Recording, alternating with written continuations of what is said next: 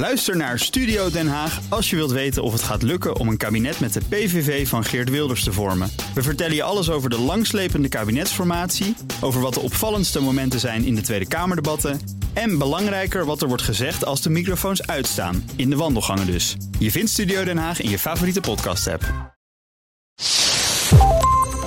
Houston, contact with a test one. Touchdown confirmed. Hey allemaal en welkom bij een nieuwe podcast van Space Cowboys, eh, nummer 81. Jawel. Met dit keer Anna Gimbrère. Hallo. Hey, welkom. Dankjewel. Welkom, als eh, zo'n soort van special guest eh, ben je vandaag. Is dat zo? Ja, nou ja. ja, nou, een beetje wel. Ja. Nou, dank voor Ja. die eer. ja, nou ja, je, je mag altijd langskomen natuurlijk. Eh, eh, voorlopig eenmalig, laten we maar zeggen. Dus daarom ben je special guest. Afhankelijk van hoe je je gedraagt. Oh, ja, afhankelijk hoe jij je Ja, gedraagt. Oh, ja, dat bedoelde ik ook. Ja. Oh, oh, Michel van Baal. Ja, ik ben meubilair gewoon. Ja, Dus, jij eh, bent er ook. Ja, Ja, nee, eh, ook welkom. Not Eh, so hier. special guest. verschil moet er zijn. Ook speciaal. Ga En, maar snel eh, naar de inhoud. En Thijs Roes eh, ben ik dan zelf. Ook ja, speciaal. Ja. ook heel speciaal. Ja, leuk Ja. dat je er bent. Dank je, Anna. heel fijn. Anna, eh, jij bent eh, eh, opeens het soort van uithangbord van de VPRO eh, geworden. Eh, Je stond voor op een... ik ben tientjeslid, dus ik, je, Ja. je, je foto lag bij ons in huis. Een soort van magazine. Maar ook als je gewoon naar de site van de VPRO eh, gaat... dan staat Anna's Brains. Oh ja? Dan, ja, daar wordt consequent op geopend. Oh, wat leuk. Nou, ik denk Ja. niet dat dat nu nog zo is, want, want maandag was de laatste aflevering. Ah, Dus dat scheelt. het is net klaar. Ja. En, maar je, ik heb eh, een paar afleveringen gezien. Ik was nog bij een opname, want mijn broer die is ook nog eh, betrokken bij een paar Ik eh, heb afleveringen. nauw met jouw broer samengewerkt in dit programma. Ja, nou, ja. Ja, een aflevering over naar de ruimte gaan. met een ballon probeerden Ja. jullie eh Nee. de ruimte te halen. Ja. Ja. Dat kan niet. ja, juist. was zo tof. Ik ben helemaal om. Ik, wil helemaal met, ik zit helemaal op team ballon op dit moment. Ja? Ik weet dat je dan niet officieel de ruimte bereikt, maar het, het gevoel van in de ruimte zijn heb je daar denk ik wel. Waarom zeg jij dan nee, eh, Michel? Nou ja, ik, ik verzet mij al eh, een tien, tiental jaren tegen, eh, tegen het feit dat je niet met de ruimte, naar de ruimte kunt met een ballon. Dat wordt heel vaak gedaan voor PR-stunts. Weet je, dan wordt Mhm. een koekje naar de ruimte gebracht. Of nou ja, weet je, dat is een heliumballon. En die is per definitie blijft die in de lucht. Ja, die Dat komt niet in de ruimte. Hij zal altijd op, blijven drijven op, op ja. de atmosfeer. Ja, dus ik heb al moeite met die 80 kilometer van, eh, van, eh, van Jeff Bezos, eh, zeg maar. Wat is het ook weer? Nee, Virgin Branson. Galactic, Virgin ja. Galactic, dat die dat naar beneden definiëren. Maar een ballon, dan gaan we echt te ver. Dat is gewoon luchtvaart, jongens. Maar dat is geen ruimte. Het is wel luchtvaart, Wel maar het is wel duizend keer duurzamer en eh, rustiger reizen. Ja. Dus ik denk voor eh, als toerist zit ik op team ballon nu. Ja. Nou, ga je gang. Ja, Ja. geen enkel probleem. Het is geen ruimtevaart. Nee, Maar je, kan, klopt, je kan overdag de sterren zien. Dat is dan het leuke ervan. Dus de atmosfeer, het blauwe van de atmosfeer verdwijnt. Ja. Je, de, de bolling van de aarde. ja, die zie je echt wel hoor. Ja? Ja, ja. zeker. Ja.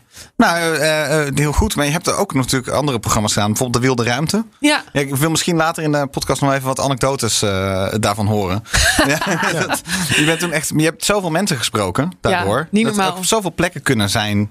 Eh, en met je eigen ogen kunnen zien. Dat is wel echt gek. Ja, nou, daar kan ik ook wel. Dat, zal ik daar nu alvast wat over zeggen? Nou, wat, wat, waar wil je het vandaag nog meer over hebben? Daar ben ik nog even benieuwd naar. Dat we even, nieuws. Ja, gewoon even dat we even de, de onderwerpen aanstippen. Nou, ik zou het heel graag willen hebben over eh, lichtvervuiling. Oké. En dat dat de schuld is van eh, gebrek aan wetgeving en het overnemen van de ruimte door de commerciële partijen. Mhm. Eh, en dat daar wil ik me graag tegen verzetten en iedereen voor waarschuwen. En iedereen mobiliseren. Ja, precies. Ehm, en, eh, en, en, en, nou ja, en, en het ruimtevaartnieuws. Ja, de, van deze week was natuurlijk het grote nieuws van de, de nieuwe planeet die mogelijk gevonden is. Ja, Maar daar wilden jullie het volgens mij zelf ook al over Ja, hebben, daar wil toch? ik ook heel graag even over hebben, ja. Ja, en eh, jij, Michel? Nou, ik heb er eh, vier als het lukt vandaag. Eh, we, moeten, we moeten even stilstaan bij de lancering van, eh, van Lucy. Eh, op weg naar de Trojanen van, eh, van Jupiter. Ja, dat zijn we vorige keer een beetje vergeten. Ja, alleen, nou, dat weet ik niet. Was, maar dat, dan laten we het dan nu even doen. Uh, al is het maar omdat we dan even over Trojanen kunnen spreken. Want het is al gave dingen altijd. Uh, ik kwam uh, onderzoek tegen van Deltaris. Um, uh, naar, uh, naar uh, het, plastic in, uh, in oceanen. En hoe mm. wat je vanuit de ruimte kunt eh, detecteren. En toen kwam ik achter dat er echt tientallen projecten gaande zijn. Dus daar Oh. wil ik het wel eens even over hebben. Ja. Er was nog een kleinigheidje, maar daar kun ik snel zijn, mee zijn met Soyuz eh, MS-18. Nou, niet alles weggeven, hè? want anders dan, als je nou ook de, de clue elke keer weggeeft, ja, dan heb je ze inderdaad, dan tik je ze nu allemaal zo Ja, af. ja, ja, nou MS-18 en het ging bijna vreselijk mis. Ik zal niet vertellen hoe. Oké, ja. Ehm, en ehm, er was nieuws over aliens. Want eh, er, er was een tijdje geleden eh, on- een signaal vanuit ehm, eh, eh, Proxa eh, Proxima Centauri, de dichtstbijzijnde ehm, eh, ster bij, de, bij onze aarde. Ehm, eh, wat een, een mogelijk radiosignaal eh, eh, zou kunnen zijn. En ook daar is een, een ontknoping. Oh, spannend. Doe het. Dankjewel, het is echt een hele goede tease. Oh, dit. ja. Eh, volgens mij, dat waren zo'n beetje alle onderwerpen die er al, al lang zijn gekomen. Eh, wat had ik, ik? Had ik nog iets? Nee, dat- en die, die ene planeet. Dus dat, voorlopig zijn we... eh, We zouden het niet over ruimtetoerisme gaan hebben vandaag, toch? Nou, jij wilde het misschien even over ruimtetoerisme hebben. Ik, eh, eh, jij wordt elke keer verkocht, om het zo maar te zeggen, als Anna Chimbrère wilde vroeger astronaut worden. Ja, Eh, wil je nog steeds astronaut worden? zeker. Ja? ja. Hoe staat het met de Hoe staat het met die wens? Zeg Ja. maar? Nee, met de Zo leuk sollicitatieprocedure. dat ik dit. Ik, moet, ik, had, ik, ik, ik heb me te laat gerealiseerd dat als ik dit één keer in de media zou zeggen, dat ik er dan de rest van mijn carrière aan herinnerd zou worden. Mhm. Nou, ik wil nog steeds astronaut worden en ik heb nog steeds geen nieuws. Jammer. Verbaast Nee. me niks eigenlijk. ja, Dat, eh, nee, ja. Maar ik realiseerde me dus laatst. Ik zat gewoon een beetje te dromen. En toen dacht ik, hmm, als ik... Oké, ik word volgend jaar 40. En toen dacht ik, weet je wat? Ik moet, eh, ik moet een soort missie hebben voor de komende 25 jaar. Op zich de gedachte dat ik een jaar later, of korter, op de maan of Mars zou spenderen. Als gewoon een soort van year abroad. Alleen dan dus na mijn pensioen, om het zo maar te zeggen. Is niet eens een hele bizarre gedachte meer. Als je ziet dat de prijs omlaag kan komen. Dus stel het is een miljoen. Stel het kost dan tegen die tijd een miljoen. Want, want er zijn heen en weer reizen. En dan, dan is het eigenlijk heel erg binnen handbereik. En toen dacht ik al van ja, we kunnen het wel astronaut noemen als een soort heel uniek, bijzonder persoon. Je kan het toerist noemen. Kan er ook een jaar gaan freelancen omdat het zwaar werk is. Noem maar iets. Ehm, is dat niet een optie, dacht ik. Voor mij, Ja, op de maan wonen als nou, gewoon veel later. Dus gewoon ja, over, ja, over op de maan komen, een tijdje. Ja, ik heb hier heel veel over nagedacht. Kijk, ik, ik moet zeggen dat voor mij zit het deel van, de, van die droom zit hem ook wel in het verlangen om toch weer iets van wetenschappelijk onderzoek te doen. Dus het is niet echt alleen maar daarboven willen zijn. Het is ook wel iets willen bijdragen. Eh, want ja, je gaat ook niet vliegen om maar even in de lucht te zijn, zeg maar. Je wil vliegen omdat je wil. Nou, in dit geval vliegen heb ik dan wel gedaan om even in de lucht te zijn. Maar meer je, je doet het met een soort doel of zo. En dat, daar zit toch wel ook een deel van de magie voor mij in. Naar de maan gaan, ja, ik zou dat wel heel vet vinden. Dus inderdaad, als dat over 40 jaar eh, binnen betaalbaar handbereik is, zeg maar. Dan zou ik daar wel toe bereid zijn. Maar niet een jaar. Dat, dat, trek je niet hoor. Ja, Dat, hou je, dat overleef je ook helemaal niet. volgens Naar. Mars, naar Mars moet je, eh, moet je een jaar, 1,6 jaar. Ja. Ehm, maar de maan, nou ja, dan kan je ook bij wijze van spreken een weekje. Je kan of een paar dag. Dagen. Ja, Ja. een dagje naar de maan. Ja. Ik denk dat het dus, nou ja, als Nou ja, het voor nu- ons normaal is, voor onze kinderen. Maar Hoe heet die eh, Japanse miljardair die bij Elon Musk... Volgens mij heeft hij een miljard betaald. Voor eh, zes mensen naar de maan. ja, Eh, maar dan ga, ga je er omheen. De Romein, ja, dat is natuurlijk op zich al spectaculair, maar dat is nog niet de real deal natuurlijk. nee. Nee. nee. maar het heeft, nog wat, het heeft nog wat tijd nodig. Maar na 2035, dan, nou ja, ik weet niet, dan worden al die Raptor engines worden dan eh, eh, op grote schaal geproduceerd. Ja, dat maakt dat met het klimaat toch niet meer uit. Je, Nee, dat, dat, maakt eh, dat ook niet uit. Nou goed, in ieder geval, je staat ervoor open. En dan, over, Ja. over 25 jaar kom je terug. Ja. Eh, en dan kijken we nog Ik betwijfel wel, of ik zoveel geld ga verdienen in mijn leven hoor. Dat heb ik denk ik al lang uitgegeven voordat ik die reis kan betalen. Maar goed, Hmm. het is... Je had het ook nog in de voorbereiding heel even over Artemis. Heb jij nog een ontwikkeling daarin gezien? Of zullen we gewoon heel even één minuutje SLS eh Oh, oké. eh, Nou, bashen? Besje. Oh ja? Nou ja, ik vraag me gewoon, ik vraag me de hele tijd af wat er van Art- Artemis, het, het Amerikaanse maanprogramma, een paar jaar geleden gestart. Niet alleen Amerika, Europa doet ook mee. Ja, is ook mee. Ja. Japan. En er zijn allerlei verschillende onderdelen. Ik vraag me af welk onderdeel, wie nou precies welk onderdeel gaat doen. Want je ziet eigenlijk dat ehm, als onderdeel van het Arte- Artemis-programma nog steeds de oude infrastructuur, Ori- Orion-capsule op een SLS, Mhm. nog steeds het leidende, het leidende plan is, om het zo maar te zeggen. Maar het, dat kan helemaal disrupted worden door Starship. Dus het is een beetje de vraag, wat is nou eigenlijk nog de rol van NASA? En wat is nou, wat is er eigenlijk al buiten NASA om ontwikkeld? Dat Maar ze, ze werken toch ook samen? Het zijn toch gewoon commerciële partijen en, en, en, de, en de grote wetenschappelijke instituten en de NASA's en de ESA's die allemaal samenwerken. Waardoor ik denk dat ook commerciële partijen kunnen ook bijdragen. Toch? Dus die, ik denk in die zin, ik bedoel, die, die, die, die, ehm, eh, de Starship, zeg maar, dat is, dat is meer het lanceren zelf. Ja. Zeg maar, die heeft nog geen, die is niet, die gaat niet. SpaceX heeft voor, voorlopig nog geen plannen om een ruimtestation rondom de maan te maken. Dus al die onderdelen zijn nog steeds in handen van ESA en NASA en JAXA. Ja. Ja, dus, dus, eigenlijk de manier om dat te komen is dan. ja, het is hooguit de raket. Daar zit Elon Musk heel erg op. Maar Ja. die is ook nog niet af. En ik denk dat het gaat meer om de gezamenlijke missie. Om daar te komen. Kijk, ik denk eerlijk gezegd, zo'n Elon Musk gaat het wel opdrijven om het om te concurreren. Weet je wel, hij gaat, hij gaat ze. nou denk ik wel onder druk zetten ook.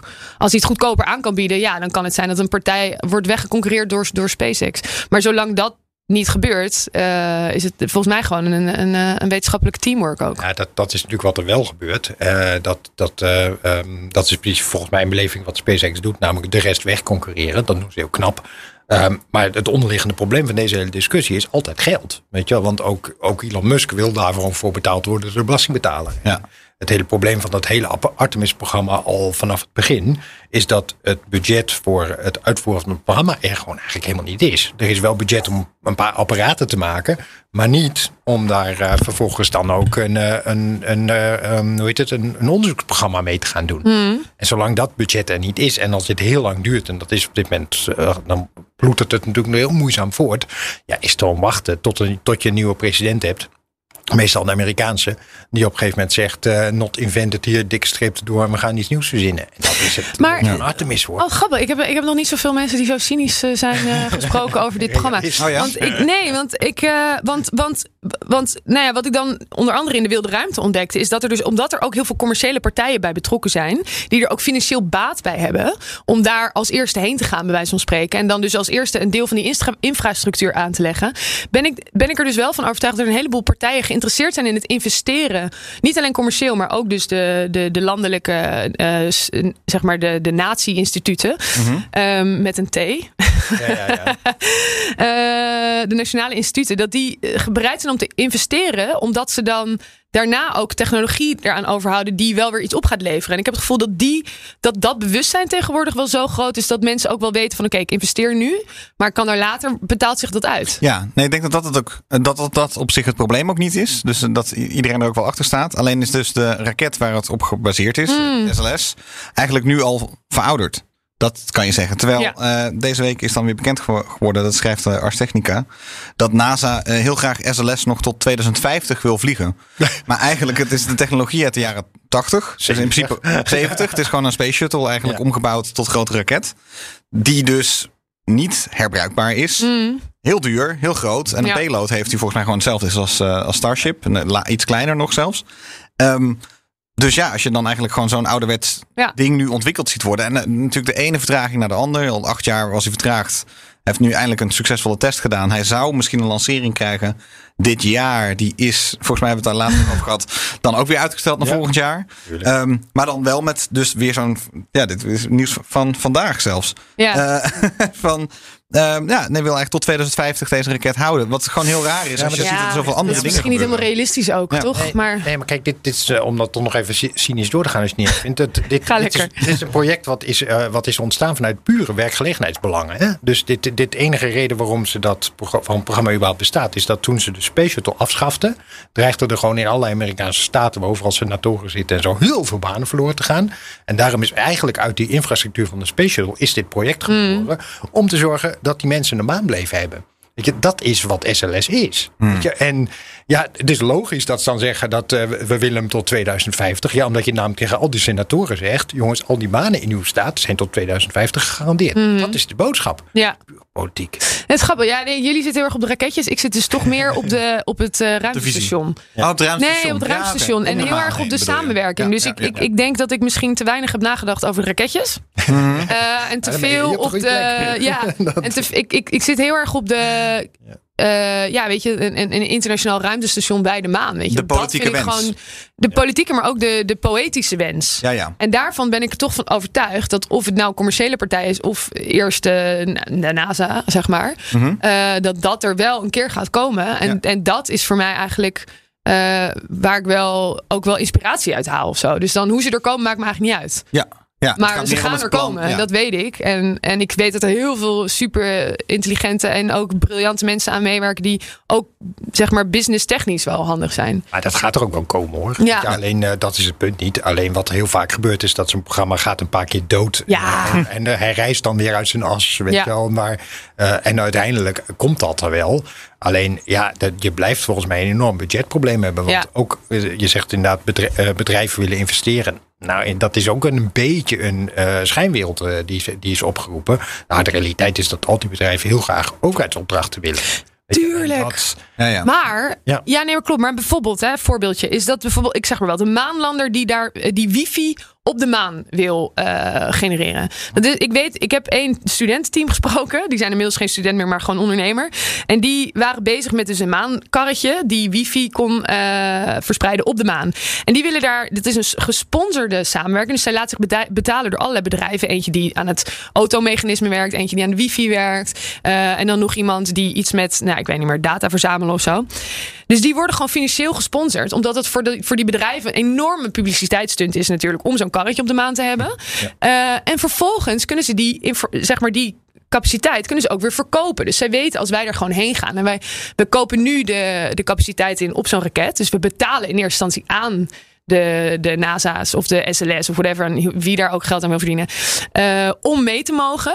Dan zijn zij daar als eerste. En dan uiteindelijk gaan zij er weer geld aan verdienen. Maar het kan wel zijn dat zij in die aanloop er naartoe even investeren. En meebetalen dus aan die missies. En dat als we er eenmaal zijn, ja, dan gaat dat iemand is- anders weer betalen. Maar En, en die iemand is anders in de, is in de praktijk, en dat zal echt nog lang zo blijven, gewoon de belastingbetaler. Weet je? En ja. als die belastingbetaler daartoe bereid is, dan, eh, eh, dan gaat dat uiteindelijk werken. Eh, maar het model waarin zeg maar, daar het echt commercieel kan, dat, eh, dat je dat, zeg maar, als je dat gaat doorrekenen, weet je wel, met, met toeristen zou kunnen, ja, dat is echt nog heel ver weg. Hoor. Weet ik een mooi bruggetje. Weet je wat wel Ja. commercieel kan? Ja, vertel. Satellieten rond de aarde. nee, dus je ziet wel graag Ja. een, een ruimtestation rond de maan eh, Ja. zweven. Dat lijkt me ook wel te gek. ja. Of misschien zelfs dat je dus langzaam een soort stadjes ziet eh, op de maan. Oh, dat zou zo vet Zou zijn. Dat heel je met je zijn. telescoop naar de maan kijkt en dat je daar dan zo'n klein stru- infrastructuurtje aangelegd ziet worden. Heel vet. Maar eh, satellieten, daar ben je dus minder blij mee. Ik heb Ja. daar ook al lopen lopen vloeken oh ja, oh, goed zo. Ik heb, dat, ik heb je dat niet horen doen, maar ik ben blij dat jij er ook op vloekt. Nou ja, het is, het is meer zo van aan de ene kant wil ik heel graag wel snel internet bijvoorbeeld overal. Of dat je gewoon tv, ja ik bedoel waar kan je allemaal satellieten wel niet voor gebruiken. Ehm, ik heb het treintje inmiddels eh, twee keer over zien komen. En nou, vorige keer nog uitgebreid over gehad dat, hoe, hoe angstaanjagend dat ook kan zijn als hij te lang doorgaat. Ehm, en gelukkig zie je ze ook niet meer. Maar mij viel dan toch weer afgelopen week op van ja, als je naar boven kijkt, je ziet altijd gewoon ergens een paar satellieten zweven. En ook een paar vliegtuigen misschien Ja. wel. Maar het, het- dus aan de ene kant, ehm, ik vind de teleurgang van onze, van onze sterrenhemel, onze vervuiling van die sterrenhemel, echt heel erg jammer. Aan de andere kant realiseer ik me dat het misschien toch ook sinds mijn jeugd eigenlijk al niet anders is geweest. Ja, en daar ben ik het dus niet mee eens. Want ik ben het echt helemaal met je... Eer, het relaas er naartoe was ik helemaal amen, zeg Ja. maar. Ehm, maar het is toch echt anders dan de lichtvervuiling die we nu kennen. Omdat je op dit moment nog kan vluchten naar plekken op de wereld waar het donker is. Ja. Zodat je nog wel even die hele de, de ervaring van de melkweg kan hebben. En eh, nou, ik denk even aan Michel en mij. Allebei toch denk ik van jongs af aan gefascineerd door de sterren. Jij Ik ook. waarschijnlijk ook. Ja. Ehm, als je die melkweg niet ziet, als jij niet ziet dat we onderdeel zijn van zo'n heel groot sterrenstelsel, dan, dan vergeet je ook hoe klein we eigenlijk zelf zijn. En ik denk dus dat op het moment dat wij niet eens meer de mogelijkheid hebben om bijvoorbeeld op de Veluwe of zo eh, echt naar de sterren te kijken, zoals wij dat gewend zijn te doen, dat je dan echt iets verliest wat je nooit meer terugkrijgt. Dus als wij een zo'n heel netwerk van 40.000 satellieten, wat die van plan is, eh, als dat als een soort net om de aarde hangt, dan verliezen we daar echt wel daadwerkelijk iets mee dat we nu nog wel hebben. En dat is namelijk de mogelijkheid om het te zien Ja. van de aarde. Ja, ik ben, het helemaal, ik ben het helemaal mee eens. Ik denk alleen wel dat dus er een bepaalde mogelijkheid ons al ontnomen is. Omdat ik dus een paar keer op een, op een dark sky, op een dark sky plek ben geweest. Mhm. Ehm, en dan nog zijn er satellieten. Ja, maar een Ja. paar is natuurlijk wel Anders, dan Anders. die heel veel. Ja. Ze hebben een nieuwe coating, hè? Dat is dan het. Ja. dus als ze nu net gelanceerd worden, dan zie je ze heel duidelijk. Mhm. Eh, zo rond, rond of na zonsondergang. Ja. Maar als ze ehm, eenmaal hangen. Ik kan niet zeggen dat ik ze nu nog zie. Nee. Om het zo maar te zeggen. Doet wel iets. Maar als het Maar- steeds meer en meer en meer worden, dan vanzelf ga je ze natuurlijk wel zien. Dat, nou ja, eh, en het gaat niet echt eigenlijk ook alleen om, denk ik, de, de, de aardbewoner. Maar ook om de, de sterrenkundigen die vanaf. We hebben nu gewoon ook nog heel veel eh, telescopen op aarde. Die ook nog dingen willen waarnemen. Ja. En daar hangen die dingen gewoon in de weg. Ja, en Elon Musk deed er zelfs heel arrogant over. Die, eh, die had zoiets van, nou, er is eh, geen enkele eh, nieuwe grote ontdekking die niet gedaan zal worden vanwege dit. eh, want dat doen, moeten we toch allemaal Ja. eh, met, met ruimtetelescopen doen en niet vanaf de aarde. Ja, en, En we filteren met data filteren het wel uit, weet je wel, de signalen van die, Ja, precies dat. satellieten die overkomen. Nou, het is voor mij ook meer dat. Kijk, ik denk van zolang er geen wetgeving is, gaan er ook andere partijen dit willen doen. Weet je wel, stel dat er echt één bedrijf zou zijn en die doet het met iets minder satellieten. En die creëert inderdaad een laaghangend internet. En heel licht, dun bevolkt Afrika heeft daardoor ook internet. Nou, dan. Denk ik, oké, dan heeft het. Dan kan je je afvragen of de voordelen opwegen tegen de nadelen. Maar nu is het zo'n puur commercieel belang. Eh, gaat het puur om sneller internet voor mensen die toch al internet hebben? Voor weet je wel? Ja, niet dat alleen. is niet maar- helemaal waar, hè? Nee, maar het, het het gaat inderdaad ook om wel die, 5, goed, hè? om, die, om die 5% onderkant van de markt. Ja, maar dit is natuurlijk heel makkelijk. Zeg maar, als er iemand goed is en een verhaal mooi verkopen, is het Elon Musk. Mhm, En de hele, je kan niet tegen zijn dat, dat, dat ook het deel van Afrika, dat, of de andere mensen op eilandjes, dat die ook internet recht hebben op internet. Daar kan je niet tegen zijn. Maar, je kan, maar daardoor vergeet je wat we ervoor opofferen, denk ik. Omdat dat verhaal zo mooi verkocht wordt. Terwijl, en, terwijl het businessmodel eh, vooral gericht is op, eh, op, de, eh, op de brakke infrastructuur in Amerika. Ja. Want het feit dat waarom dit commercieel kan, eh, is omdat ze in Amerika door, door allerlei eh, extreme commercialisering niet in staat zijn om goede markten te creëren voor internet. Weet je, dus internet in Amerika is echt schreeuwend duur, veel duurder dan in, eh, in Nederland. Eh, en het is op heel, plekken, heel veel plekken schreeuwend slecht. Ja. Dus, dus daar in een, in een zeg maar ontwikkeld land. Zijn ze niet in staat om fatsoenlijk landelijk dekkend internet te, cre- te, te creëren? Ja, maar om dan vervolgens 30.000 satellieten de lucht in, Ja. de. Ik vraag me ook wel eens af: is dat nou de goede oplossing voor het probleem? Nou, dat is een beetje de vraag. ja, ja. Want ik denk dus dat daar haalt hij toch het meeste geld vandaan. en bij, bijvangst is inderdaad de, ja, de mensen die weinig geld hebben... of die heel erg afgelegen wonen. Die, kunnen dan ook, die hebben dan ook de kans op internet. Dus dat is allemaal hartstikke prima. Maar ik geloof niet dat het zo nobel bedoeld is. Het is vooral bedoeld om heel veel geld te verdienen. En waar is dat geld voor bedoeld? Ja, voor naar Mars gaan, zegt hij. Ja, dat geloof ik ook zich wel. Maar Ja. Het is het verdienmodel voor de stad op Mars. Dat, is, de, dat is dus het ding, ja. Ja, Week het allemaal maar tegen elkaar Er af. gaan er ook nog twee failliet. Hè? Want er zijn nu drie van dit soort eh, enorme netwerken in opbouw. Weet je, Mm. Die eigenlijk allemaal dezelfde ambitie hebben. Die gaan niet alle drie commercieel succesvol worden. Dat kan ik me niet Nee. goed voorstellen. Weet je, en we hebben natuurlijk met Motorola en, eh, en Iridium al een, al een megalomaan faillissement op dit vlak gehad in het verleden. Ja. Weet je, dus er er hangen straks 30.000 satellieten daarboven. Waarvan een deel op een gegeven moment waarschijnlijk sowieso al groot is. Om, omdat het businessmodel daarachter niet klopt. Mm. Dus ja, ik, heb, ik vind het ook wel een beetje doorgeschoten commercialisering hoor. Als ik. Nou ja, ik vind vooral inderdaad dat je het in wetgeving toch vast moet leggen Ja. dat wetenschap wat mij betreft voorgaat. En, eh, en, en dat is nu niet zo. We hebben nu gewoon niet goed vastgelegd dat, dat je als, als wetenschappelijk instituut beschermd wordt tegen de commerciële uitbuiting van de lege ruimte. En ik bedoel, er is zo'n incident geweest waarbij een ESA-satelliet bijna geraakt werd door een, eh, een SpaceX eh, melkpak. En, eh, en, en, en ja, daar moest uiteindelijk de ESA uitwijken. En dat is natuurlijk gewoon, dat is natuurlijk schandalig, weet je wel. Maar zolang dat niet in wetgeving vast ligt, dan kan je niet, eh, kan je nergens op roepen. De vervuiler moet eigenlijk betalen in deze. Ik vind van wel, ja. Ja, ja, ja. Ik, vind, ik zou het heel terecht vinden als, als de commerciële uitbuiters ook gaan betalen voor dus die SLS bijvoorbeeld. Mhm, nee. Hebben we dat probleem ook opgelost? Hmm. Ik heb wel een bruggetje naar de aliens eigenlijk. Nou, Dat- kom eens bij een brug. They found home. Ja, precies. Nee, ik had beloofd antwoord op de vraag eh, of er nou aliens zijn bij eh, Proxima Centauri. U hoort het hier voor het eerst. Ja, u hoort het voor het eerste antwoord is nee. dat, eh, Oh, helaas. Maar het heeft hier wel mee te maken. Dat is het grappige. Want ze, ze hadden dus één signaal. eh, wat leek op een, eh, op een radiosignaal van, eh, van, nou ja, van potentieel aliens. Wat daar van bij komt. Het gaat om een, een ster die op ongeveer vier lichtjaar van ons vandaan staat. Hè. En daar, daar zitten twee planeten bij. Dat weten we. Proxima. B. Ja, we weten ook wel dat de kans dat daar leven is behoorlijk klein is. Want het is namelijk geen fijne zon. Eh, Nee. daar, eh, dat is ook de reden waarom er vrij veel onderzoek naar wordt gedaan. Het gaat over zonnevlammen die daar eh, voortplinten. Dus dat blaast gewoon alle atmosfeer sowieso van een Ah, planeet af. En die planeet is gelokt volgens mij, toch? Dus er is maar één kant die beschenen wordt. Oh, dat zou nog kunnen. ja. Dus is er aan één kant zon en aan de andere kant altijd Ja. donker volgens Nou, mij. eh, dan heb je dan nog zo'n theorie dat je in die, in die, Ja. in die Twilight Zone. Weet je, Ja. Ja, goed, maar oké. Lekker een moestuin Ja. om eh, om te maken. Ja, zeker. Maar, eh, maar goed, ehm, eh, wat blijkt nou? Nou, eh, het signaal is van aardse komaf. Dus, eh, eh, dit, en het, het grappige is dat ze dus iets van 800 miljoen, op eh, 800 miljoen frequenties tegelijk, frequentiebandjes tegelijk als het ware, dat soort onderzoek doen. En dat daar dus echt een enorme bak signalen uitkomt die mogelijk Weet je wel, van, van, nou ja, van buitenaardse oorsprong kunnen zijn. En wat ze dan doen, is het eerste wat ze doen is kijken naar het, ehm, het Dopplersignaal. Klopt dat met de beweging van de planeet? Dus hij komt af en toe een beetje naar je toe, af en toe gaat het een beetje van je af. En dat heeft effect op het Doppler. Zo niet, kruist het door. En ze kijken ook met die telescoop even naast de, de zon. Dus ze kijken dan naar eh, Proxima Centauri en dan al even naast. En als je hem daarnaast ook ziet, ja, dat is foute boel natuurlijk. Dan is het sowieso aardse. Nou, dan, dan kun je dus het overgrote deel kun je wegschrappen. en dan hou je er uiteindelijk hielden ze er helemaal onderaan de streep één over. Waar, waar die ze niet meteen konden wegschrappen. Maar toen ze heel goed naar de data gingen kijken, konden ze hem wel wegschrappen. En maar- Helaas. wat is de bron dan waarschijnlijk? Ja, het, zit, het zijn frequenties, bovenfrequenties van, eh, die in aardse oscillatoren en elektronica heel veel worden gebruikt. En daar zit het bruggetje, mogelijk, dat weet ik niet hoor. Eh, dat eh, dus hoogstwaarschijnlijk komt het uit aardse elektronica. Is er dus een, een, een, een, een bijeffect ergens van aardse elektronica. Eh, het zou, dat, welke elektronica, dat weten ze niet. Maar dat zou best uit satellieten kunnen komen. Weet je, en zeker op het moment dat je daar heel veel van hebt. Dan krijg je natuurlijk veel meer, steeds meer van dat soort ellendige En het is dus acht jaar oud, dat signaal. Eh, Toch? Dan is het vier jaar die kant op gaan en vier jaar terug.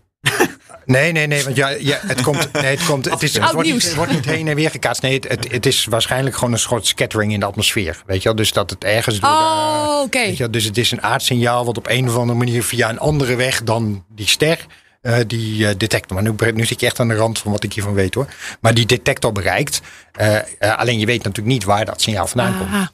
Eh, en helaas, dit signaal was ook eh, weer van aardse. ik blijf het toch fascinerend vinden hoe ze überhaupt uit al die radiologische eh, chaos Ja, signalen weten te filteren en dan kunnen onderscheiden of dat wel of niet van de andere planeet komt. Vind ik echt al. Ja, het is bizar. Maar voor, ik heb wel eens eh, gehoord dat, ehm, want ik ben ook verre van een expert, dus ik vertel maar, maar wat mij vertelt. Ik vertel door wat mij verteld is.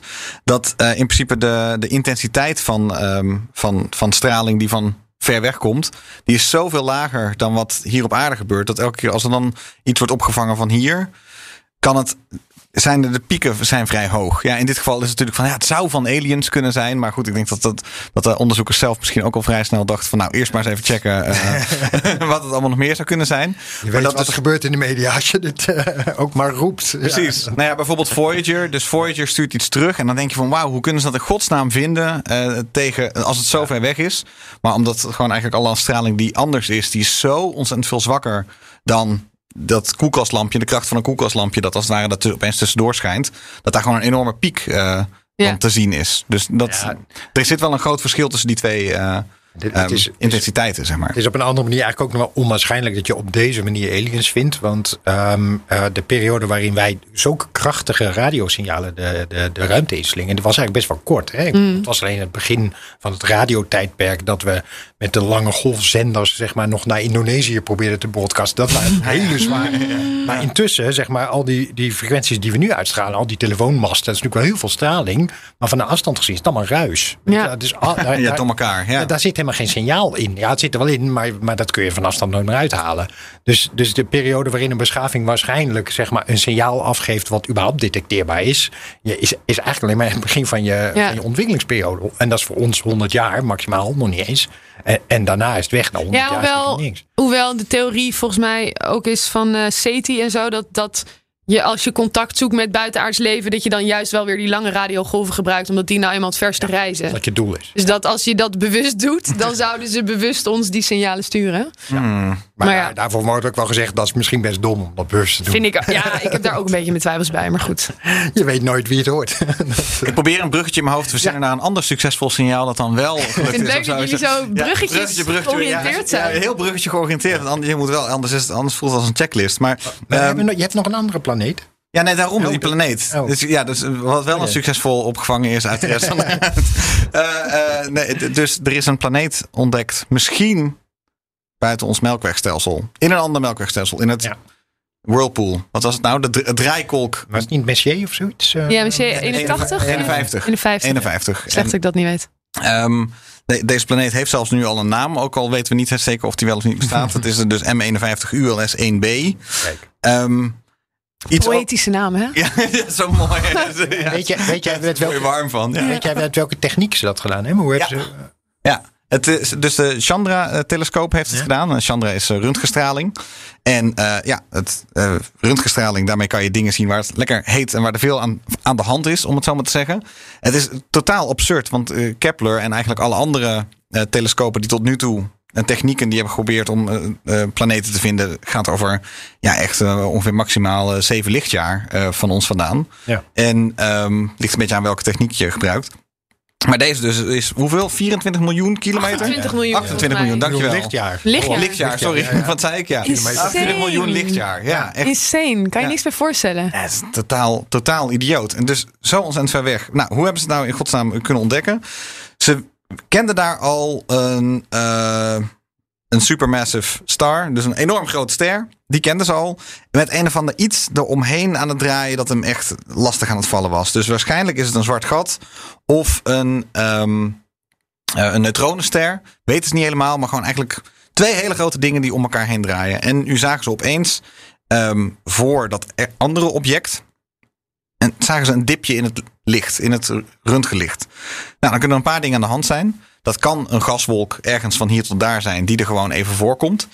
Maar, en dit is even wat ik ervan begrepen heb, zij vonden de data er heel erg uitzien alsof het een planeet kon zijn. Dat kan je bijvoorbeeld zien aan de manier waarop die dip dan is. Als die vrij gelijkmatig is, dan, dan eh, zou het een, eh, dus een planeet kunnen zijn. Dan hebben ze zelfs al een beetje uitgerekend hoe, wat dan de baan zou moeten zijn. Zou 70 jaar zijn. Dus ze hebben één keer nu een klein dipje gezien in het licht. Want er is misschien een planeet voorgeschoven. En over 70 jaar zien we hem weer. En over 70 jaar zou hem weer zien. Ze kunnen het dus ook niet checken. sick, ja. Ja, dat is dus een beetje het ding van, oh man, dit kan een gaswolk zijn, kan een planeet zijn. Ja. Ze vinden het voornamelijk zo van, hé, hey, je kan dus eigenlijk met röntgenstraling heel ver weg hele grote planeten vinden. We hebben het wel over een, waarschijnlijk dan zoiets als de grootte van Uranus, eh, las ik. Ja. Ehm, wat ik nog echt relatief klein vind, als je het over neutronensterren en eh supergrote sterren hebt, dan eh, ehm, is een, eh, een planeet de grootte van Uranus eigenlijk niks natuurlijk. Nee. Eh, en ze weten het nog ook niet helemaal. Maar ja, het is een beetje een soort van één datapunt. En nu is het meer een soort uitnodiging van... oké, kunnen we dan op deze manier dit nog vaker gaan inzetten? Of niet? Dus of het een planeet is of niet, dat Ja. is, eigenlijk- blijft eigenlijk een beetje gissen. Het is gewoon soort van... Het is meer inderdaad wat je zegt. Volgens mij gewoon een, vooral een inspiratiemoment. Zo van wow, maar dit kan dus. Dit kan dus blijkbaar ook. Ja. Daar kunnen we ook zoeken. daar kun- ja precies. Ja, terwijl je, ja, het kan niet anders dan dat dat, die, dat melkwegstelsel zit ook vol met Ja. planeten. Weet je, dat moet haast wel. Maar als je ze dan ook kan vinden, is het natuurlijk wel fascinerend. Ja, Dat dat tot- technisch kan. er zijn tot nu toe iets van... Nou ja, het, het zijn al- allemaal een verschillende gradatie van hoe confirmed ze zijn eh, wat dat betreft. 2.000, 3.000 van Kepler alleen. Maar dan zijn er ook nog enkele Ja, ik Zo'n geloof duizend of totaal zo iets van nog bij? 5000 of zo. 5000 of zo totaal exoplaneten bedoel je toch? Ja, maar dan heb je ook nog kandidaten, dat zijn er dan tienduizenden Ja. inmiddels. En eigenlijk die missies die zijn grotendeels opgehouden. Waardoor eigenlijk met de bestaande dataset, daar worden dan met slimmere algoritmes dan nog de hele tijd nieuwe uitgehaald of zo. Maar dit is dus een totaal andere techniek, totaal ander melkwegstelsel. Ehm, ja, nou ja, misschien nodigt het uit voor de toekomst of zo. En die Chandra eigenlijk, die, dat realiseer ik me ook niet, die is ook al twintig jaar in Ja, de lucht. ja, die is al, die doet het al heel lang. Ja. Die is echt wel oud inderdaad. Ja, dat geldt ook voor Integral, hè? De, de, de, de Europese variant. Oh, Die, eh, vertel mij. Nou, die, die werkt ook nog steeds. Weet je, dus die. eh, maar het zijn ook op zichzelf. Ehm eh, satellieten, telescopen, zeg maar, als ze het eenmaal doen, dan- blijven ze het ook wel doen. Weet je, je hoeft er, eh, je, eh, bijvoorbeeld bij infrarood heb je allerlei koelvloeistof nodig om het heel koud te houden. Weet je, als dat op een gegeven moment op is, want dat moet je laten verdampen om die temperatuur terug te krijgen. Dat is een keer op en dan is het voorbij. Maar die röntgentelescopen, die kunnen, eh, die kunnen nog wel even door. Weet je, dat, Ah, ja. ja. ja, integrals gamma volgens mij. Maar gamma en röntgen, die, zijn, die doen het meestal heel lang. Maar Ik vind dat zo sick dat je dan dus zo'n ding 20 jaar geleden, weet je wel, best wel oude technologie eigenlijk Ja. inmiddels, dat je dat dan dus de ruimte in kan slingeren en dat dat zo lang goed zijn werk blijft doen Echt en onvoorstelbaar. data blijft genereren. Hij zou nog, eh, volgens mij las ik dat hij tot 2024 loopt de missie nog. En hij heeft voorlopig nog twee opties om verlengd te worden. Ja. Dus eh, tot 2030 of zo eh, zult het wel zien. Hele Zo mooie vet. desktop achtergronden komen er ook vanaf. Dus ik zou wilde zeggen. Ja, Ga klopt, voor- ja. ja. Als je. Ja, vaak, eh, vaak inspiratie. gaan ze uit op het moment dat er een betere eh, opvolger is. Die, eh, die, die een, op het een level hoger zeg maar, hetzelfde soort werk kan doen. Ja, dan, gaan ze vaak, eh, dan worden ze vaak op non-actief gezet. Hmm. Maar niet omdat ze stuk zijn. Ja, het is echt gaaf. Toen wij allemaal jong waren, toen wa- was er nog gewoon geen enkele planeet ontdekt. Nee, eh, buiten, ons zonnestelsel. Ja. Ja. En eh, ja, nu kunnen we er inderdaad van uitgaan dat ze gewoon overal de hele tijd zijn. Het is zo grappig ook, want ik, ik, ik weet dat ik toen ik eh, vier jaar geleden een beetje begon met, met voor de camera over ruimtevaart praten, dat toen de ene de andere exoplaneet werd Ja. gevonden. En iedere keer mocht ik ergens aanschuiven. En nu is het zo van, oké, ja, weer duizend exoplaneten erbij. weet je wel. precies, ja. Ja, dus je bent er ook aan Doe of maar. zo. Maar in het begin was het nog dat iedereen ook dacht, oeh, een exoplaneet, nou daar zal dan wel leven zijn. En nu inmiddels zijn we ook wel wat verder. Ja, precies. Ja, het is even wachten op eh, James Webb, de telescoop, denk ik. Die, nou ja, nog eh, twee maanden. Nou, ik- Misschien december, maar waarschijnlijk wordt het dan toch januari of, of februari. Ehm, die gaat waarschijnlijk meer data opleveren. Want dat is dan een beetje het probleem geweest. Van alles komt uit ongeveer dezelfde datasets nu. Heel moeilijk om die dan ook nog met een andere telescoop dan te confirmen. Eh, en James Webb kan daarbij helpen. En dan wordt het echt heel leuk om te kijken van die aardeachtige planeten. Hoe aardeachtig zijn ze nou? Dus daar, Ja. daar zal een soort filter overheen komen over al die data. Om alle kennis die we erover hebben in veel eh, verdiepender te krijgen. Ja, dus het wordt interessant op het moment dat je ook in de atmosfeer kan kijken. Ja, Want dat precies. begint nu te komen. Weet je, dat je dus op zoek kan naar absorptielijnen van ozon. Weet je, dat soort dingen. Als je dat uit de atmosfeer kan gaan halen, en het duurt ook niet zo heel lang meer. Ja, dan krijg je wel echt hele interessante vragen. Ja. Ja. En James Webb kan dat op dezelfde manier. Hè? Op diezelfde eh transitiemanier. Dus als dan een, dus een eh, planeet tussen... Even kijken, hoe zeg je het? Als, als de zon, de zon Ja. die schijnt en er komt een planeet langs. En dus je zit ernaar te kijken, dan dipt het licht. Maar je kan dus zelfs, omdat die door de eh, atmosfeer heen schijnt... kan je zelfs die, wat daar dan in zit... aan de hand van het lichtspectrum, helemaal kan James Webb... ons inzicht geven wat er allemaal in de atmosfeer zit. Dus ook als er levend zou zijn en zijn biologische signaturen van te zien... zou James Webb dat in principe, in theorie moeten kunnen... als hij Ja. allemaal doet en zo. Interessant vakgebied is dat toch? Astrobiologie en, astrochemie en zo. Je, je zal, als je dan op een Eureka-moment zit, dan... eh, ja... Het is wel waanzinnig als je, als je echt ergens achter kan komen. Ja, Astrobiologie. Was ook nog niet eens een vak. eh, Mag 30 ik, een, eh, mag ik een bruggetje naar Lucie? Eh, eh, Lucie, ja, tuurlijk. Ja. Dat is ook biologie, weet je wel. Dus dat. Lucie, de, eh, op, ehm, eh, hoe heet het, vorige week gelanceerde, wat was het, 12 oktober? De ehm, vorige week gelanceerde ehm, eh, eh, de satellieten die onderzoek gaan doen naar Trojanen. Dat zijn eh, de, nou, eigenlijk de puin- en brokstenen die in de, in de Lagrangepunten van, van Jupiter hangen. Dus eh, meelopen als het ware in de baan van, eh, van Jupiter, maar de vooruit en eh, de achteruit. Ehm, en die, eh, daar gaat nu voor het eerst een, eh, een satelliet naartoe. Nou, dat is baanmechanica, is dat sowieso smullen, want dat is een enorme pingpong om dat, dat ding daar eh, überhaupt te krijgen. Ehm, hij is vernoemd, en daar zat het bruggetje, hij is vernoemd naar eh Lucy, de, de Ethiopische mens, de vroeg, voor, vroeg voorloper van de mens die in, eh, in, in 1974 in Ethiopië is genoemd, eh, eh, ge- gevonden. Door eh, onder andere eh, iemand die heette Donald Johansson. En dat is dan wel ook weer leuk, want het, het eerste wat ze gaan doen is namelijk langs een vrij reguliere asteroïde, die niet een Trojaan is, maar ze komen er toevallig langs. Eh, en die heeft de naam gekregen Donald, Donald Johansson. Weet je, dus die is vernoemd naar de, de, ehm, naar de, de, de, de ontdekker van, eh, van Lucie. Eh, en daarna gaat hij eh, langs zeven Trojanen in, eh, eh, bij Jupiter. E- eerst drie aan de ene kant en daarna slingert hij langs de aarde terug. En dan gaat hij naar eh, de andere kant. eh, voor, voor nog eens drie verschillende Trojanen. Om te kijken van nou ja, hoe dit, deze waarschijnlijk overblijfselen van het ontstaan van Jupiter. Weet je, Oh, die op die Jupiter waarschijnlijk niet heeft opgeveegd toen Jupiter een planeet werd. Maar het zijn soort stenen dingen? Of, eh? Ja, het zijn, het zijn asteroïden, maar ze ja. weten eigenlijk niet of ze, of ze nou, althans ik weet het niet, of ze nou afkomstig zijn uit de asteroïdengordel, als het ware zijn ingevangen in die stabiele punten, want daar, daar kunnen ze stabiel blijven zitten. O- Of dat ehm, eh, ze door die baanmechanica van die reus, als het ware, niet zijn ehm, meegevangen op het moment dat die al als een stofzuiger eigenlijk alles opzogen wat er in zijn omgeving was. dat het een beetje achterblijft, ja. Ja, dus het zijn sowieso vroege bouwstenen. En ze hebben er dan een aantal uitgezocht die echt heel verschillend zijn. Sommige waarvan vrij veel organisch materiaal op zit. Dus het zijn verschillende soorten types. Oh, wow. Die Maar ze het zijn dan, echt duizenden, toch? Van die Trojanen om ja, het Jupiter. zijn al minimaal honderden, misschien duizenden. Dat, dat zou zo kunnen. Het zijn er echt heel veel. Ja, de aarde heeft er overigens twee. Dat vind ik ook altijd interessant. Wij- ja, het was wat bescheidener. Althans, tot nu toe kennen ze er twee. Maar ze schijnen, schijnen vrij moeilijk te, eh, te vinden te zijn. Maar eh, er, ehm, er is er één, in ieder geval met zekerheid één. Eh, en er is één potentiële kandidaat waarvan we nog niet helemaal zeker weten of dat een Trojaan is. Hè, dus Dus een Trojaan in de, dus in een Lagrange point van de aarde. Van de aarde en de zon. En Ja. de aarde en de zon. Dus eigenlijk, ja, die een stuk eigenlijk vooruit in je baan, een stuk met je meeloopt. eh, Of, of achter je aan, als het ware, op, een vaste, op een vaste plek eh, Het meeloopt. kan inderdaad eigenlijk gewoon achtergebleven stof zijn. Als een soort putje waar het maar de hele tijd in blijft. Nou ja, dit, dat dingen zijn groot hoor. Want die, eh, die dingen waar, eh, waar Lucie naartoe gaat, heb je het over kilometers eh, wel gewoon doorsneden. Weet je, het zijn forse dingen. En, en volgens mij die ene, die ene bekende aardse Trojaan is uit mijn hoofd 300 meter eh, in doorsneden. Dus dat is toch wel een stevig rotsblok. Zijn we daar, eh, die hebben, daar hebben we nog nooit onderzoek naar gedaan. Nooit een Eh, zonde nou, heen gestuurd. ja, hij, is wel heel interessant, want je kunt er namelijk gravitatietechnisch heel makkelijk komen. Je kunt daar makkelijker naartoe dan naar de maan. Dus je kost, Eh, kost je- maar waarom doen we dat dan niet? Ja,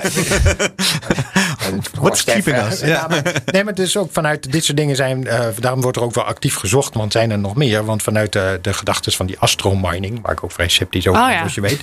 eh, zijn- dat namelijk wel de dingen die het makkelijkst kunt minen. Ja.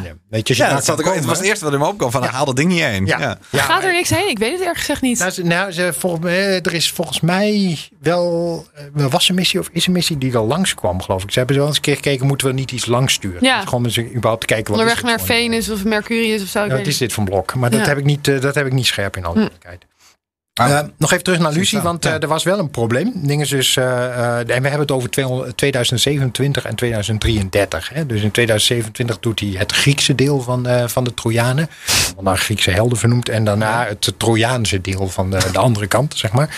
Eh, die, eh, maar dat is dus eerst in 2027 en dan pas in 2033. Dus dit is ook weer zo'n heel lange termijn Het ding. duurt heel lang, ja. Er was alleen één probleem, want hij heeft zonnepanelen die als een soort waaiers, van die Japanse waaiers, als het ware openklappen. Heel mooi om te zien, dat vormt dan helemaal zo'n cirkel.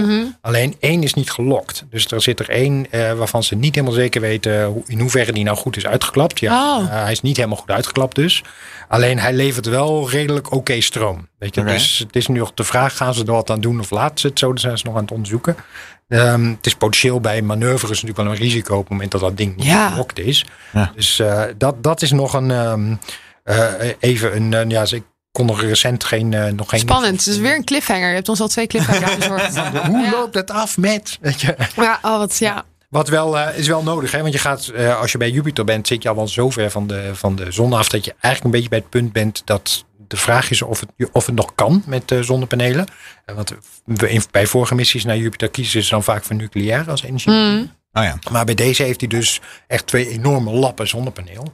Eh, en hebben ze dus blijkbaar toch, gaan ze toch doen op, eh, op zon. op zon. Dan zie je meteen Ja. dat het weer niet uitklapt. Ik vind dus die uitvouw, dat origami in de, in de ruimte, dat vind ik ook wel echt vet. Ja, ik was toevallig laatst in, in Nederland bij, eh, nou, ik mag geen bedrijf denk ik noemen, maar de, daar, daar maken ze dit. En dan vind ik het dus een heel vet idee dat we hier in Nederland die, die eh, zonnecel origami aan het uitvoeren zijn. En dat zich dat dan zo heel ingenieus uitvouwt en nou ja, hopelijk dan dus ook lokt en blijft zitten.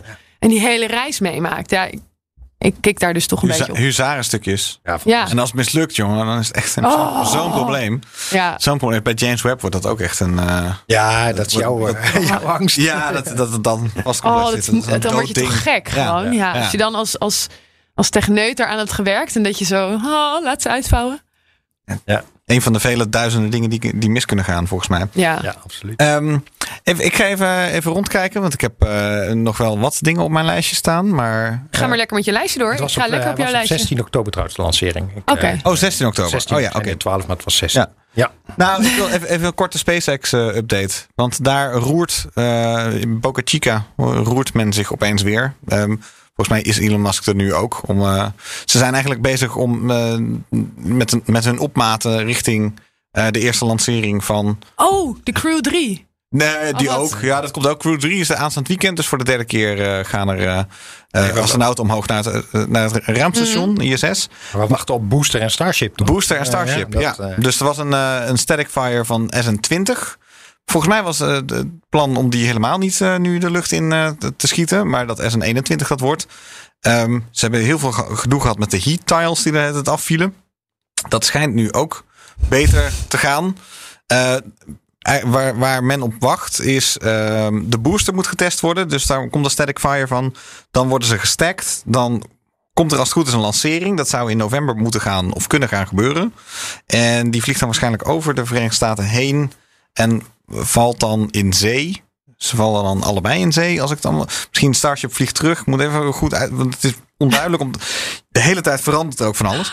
Ehm, eh, de booster die valt in ieder geval in zee en, eh, en zal daar eh, weer op worden gepikt. Terwijl ze dus in Texas bezig zijn om die, dat hele gedoe met die chopsticks waar die in gevangen moet worden. Heb je Ja. dat een beetje meegekregen? Ja, ja. Ja, dus hij, moet- hij moet terugvliegen en dan moet, wordt hij opgevangen door die toren. Ja. En, weer, en dan moet er dus snel weer een nieuwe Starship opgezet kunnen worden, zodat je direct weer eh, een nieuwe kan lanceren. Maar nou, het, nu alles wordt in gereedheid gebracht. En de komende vier weken, denk ik, zal er wel weer echt de tv-show eh, eh, SpaceX laat. Jij zit helemaal in de soap, hè? Ja, het, Ja. maar het is echt een leuke soap. En de soap was wel, wat dat betreft, redelijk sinds april of zo eh, even. Een even beetje dippie. ja, even, even, ze waren aan het Was werk. even zeg maar. was ja. even rustig. Dus als ik dan merk, zo van, ah, ja, er gebeurt weer wat. Het is wel, ja, het is echt vet. Ik had eigenlijk die eh Was er ook niet ik- weer gedoe Static met, Fire met, alweer gemist. met de FIA, met de re- re- regular, eh, hoe heet dat ook weer? Ja, Dat er is wel constant wel iets. dat Musk geen toestemming kreeg voor iets. Wat ik me wel kan Oh, voorstellen. ja. Als, je, dingen over de Verenigde Staten naar het noorden wil eh, jassen, was kan ik me een- dat wel voorstellen trouwens. De, de milieurapportages waren niet helemaal. Die zijn Oh. uitgebracht en die waren nog niet helemaal. Het was een beetje van, nou, hoe denk je aan het milieu? Zo en zo, zo en zo. Maar ja, in principe komt het er wel op neer. Ja, je bent een raketbasis aan het bouwen midden Ja. in een natuurgebied. Ja, ja wat wil Eh, je? hoe milieuvriendelijk denk je zelf dat het Ja, is? Ja, precies. Uiteindelijk gaat het gewoon niet, dat niet echt werken. Dus Ik vind dat zo jammer, want toen hij begon, toen, weet je, toen was hij nog de baas van Tesla. En Tesla heeft natuurlijk de wereld veranderd. En, eh, en, en die transitie naar eh, elektrisch rijden hadden we heel erg nodig. En toen met SpaceX dacht ik nog heel even, oh, hij gaat de ruimtevaart verduurzamen. Want hij gaat herbruikbare raketten en hij gaat op waterstof vliegen en zo. Oh. En nu, eh, nu heeft hij steeds meer scheid, lijkt het, aan duurzaamheid. En eh, ik vind het zo jammer. Ja. Ik vond het zo lekker dat het samenging. Weet Ja, je wel? dat technologie en, en businessmodel en, en duurzaamheid. Dat het gewoon. Ja, eigenlijk lijkt het er nu meer op alsof hij via Tesla eigenlijk zijn, zijn aflaten verkoopt voor, Totaal. eh, voor methaan. Het is wel zo, eh, eh, methaan kan je eventueel wel duurzaam produceren, maar voorlopig nog niet. Ja. Nee, Dus, dat is ook zo. Het is allemaal niet het allerslechtste. Maar Nee, ik en vind waterstof. eh, hij had zo'n goed voorbeeld kunnen zijn, weet Ja. je wel, in alles. ja, de reden dat hij geen waterstof had, eh, is omdat je dat niet overal in het universum kan vinden. Dus methaan kan je dan overal maken in het zonnestelsel. Is idee. waterstof is juist overal. Ja, maar niet makkelijk te maken. Ik kijk even naar jou, Michel. Maar als je methaan hebt, dan heb je ook waterstof, toch? Dan moet je het alleen even splitsen. Ja, ik bedoel niet dat dat per se makkelijk is. Waterstof is echt overal. Maar volgens mij was het vooral dat waterstof is heel moeilijk, omdat het... eh, Omdat het koelen. span- er zitten wat extra spannende momentjes in. ehm, zeker voor de lancering. Eh, omdat het, eh, volgens mij moet je, moet je het vloeibaar eh, inderdaad, dus of heel erg gekoeld of onder hoge druk in die raket krijgen.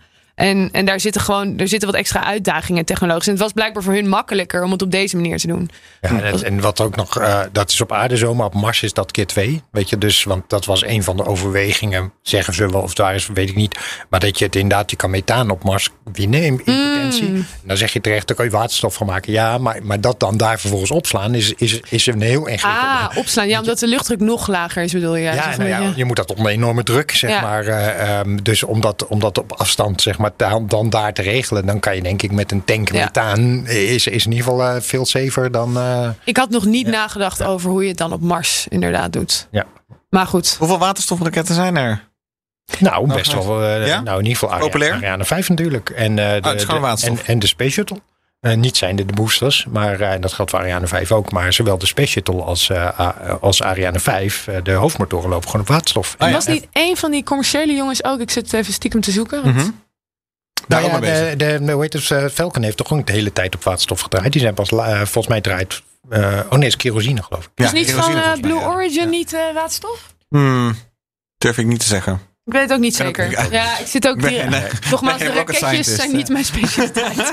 Nee, maar het is, het, het, is, het is in feite ideale eh, brandstof, maar technologisch wel complex. Weet je? Ja. Maar het- je krijgt er wel de, de meeste oemf van. Dus de, de, de, spe- de specifieke impuls, zoals dat heet, van de waterstofmotor is wel het hoogst. Ja. Alleen, Nou, ja.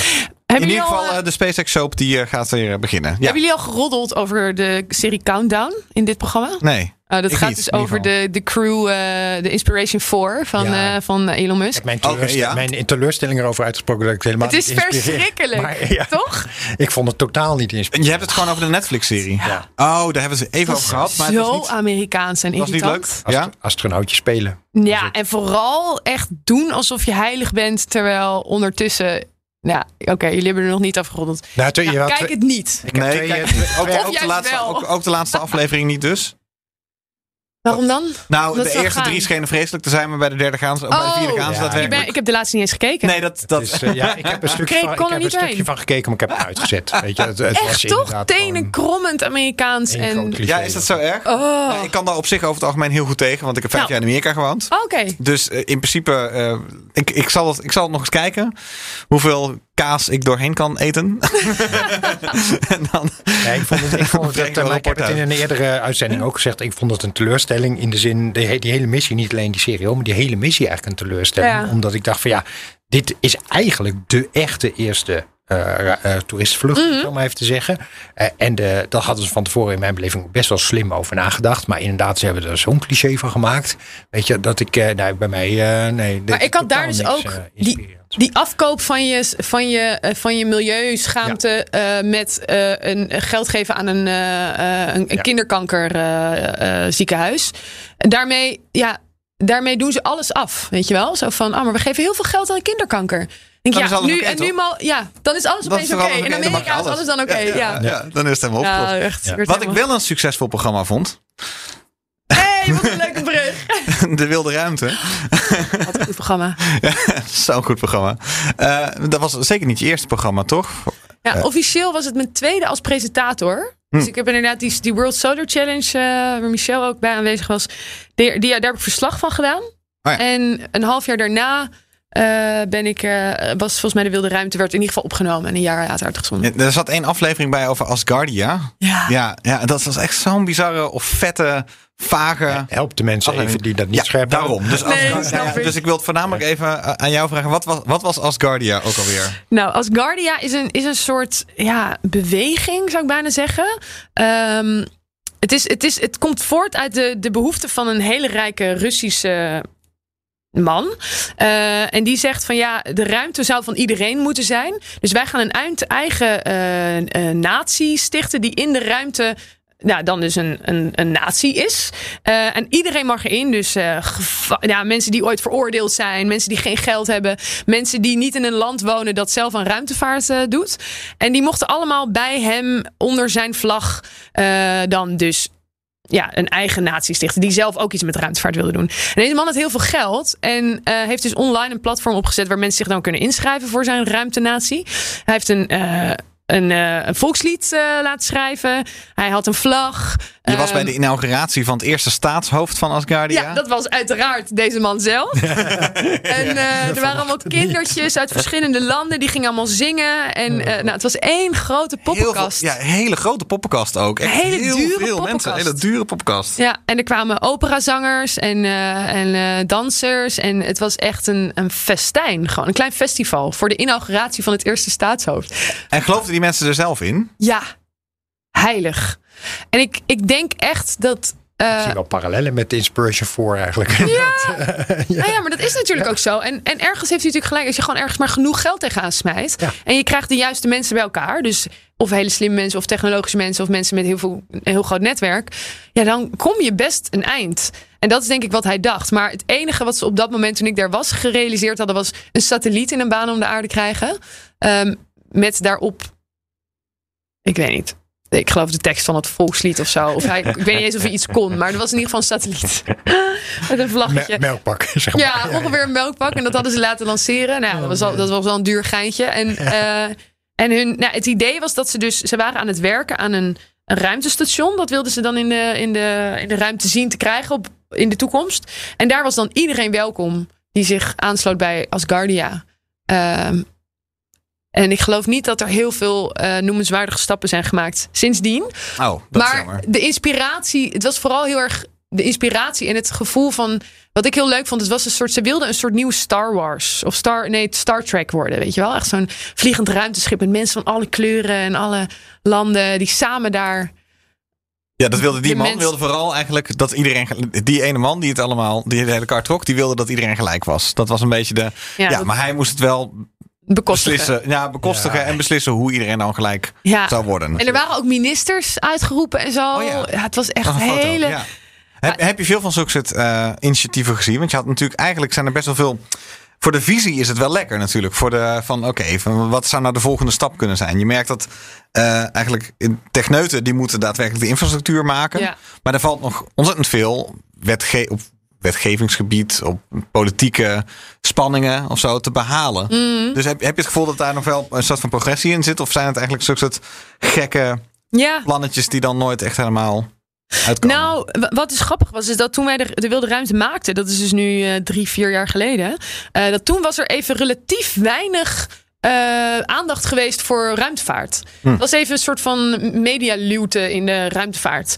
En, eh, en, en wij kwamen dus toen een aantal jaar geleden bij iedereen aan van ja, we willen graag wat, we willen graag bij jullie binnenkijken. Nou, iedereen ontving ons met open armen, omdat ze zo weinig aandacht hadden gekregen de jaren daarvoor. Voor mijn gevoel in ieder geval. Dus we waren bij NASA welkom, ik mocht allemaal astronauten spreken, ik mocht hele trainingen doen. Iedereen was echt zo, oh yes, weer eindelijk, weet je wel, wil iemand naar ons verhaal luisteren.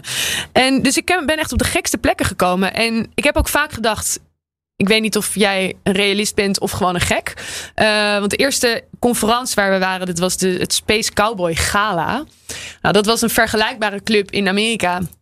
Van eh, vooral Texanen die zich als eh, nazaten van de kolonisten zagen. Van wij gaan nieuwe ruimtes veroveren. En de Space is our next frontier was dan een beetje hun slogan. Rick Tomlinson. Rick Tomlinson, ja, erbij. ja. Ook nog ooit zo gesproken, ja. Ja, maar dat is dus, dat vond ik, zeg maar, kijk, bij die rijke Rus had ik het gevoel van, ik weet niet of jij überhaupt weet wat er technologisch komt kijken bij deze missie die je nu in je hoofd hebt. Maar bij die Rick Tomlinson, die had nog wel, had echt wel een goed netwerk, weet je wel. En ook wel een, een verhaal waarvan ik dacht, nou, ja, voor hetzelfde geld lukt het je wel, weet je wel. Hij had echt interessante mensen. En een goede verhalenverteller ook. Hele goede verhalenverteller. I see cities on Mars. I see cities Ja. on Mars. En zo. Hij weet het heel goed te verkopen. ja. En ook zulke soort mensen heb je ook nodig of zo. Hè? Gewoon de, de boosters van oké, we, moeten, we moeten gaan. eh, Er is iets te halen, weet je wel. Nou, wat mij dus opviel is dat zeg maar zo'n zo'n Rick en eigenlijk zijn wij daar natuurlijk ook een beetje eh, onderdeel van. Is je hebt mensen nodig die het verhaal vertellen. En Elon Musk is bijvoorbeeld ook iemand die een heel goed verhaal weet te vertellen.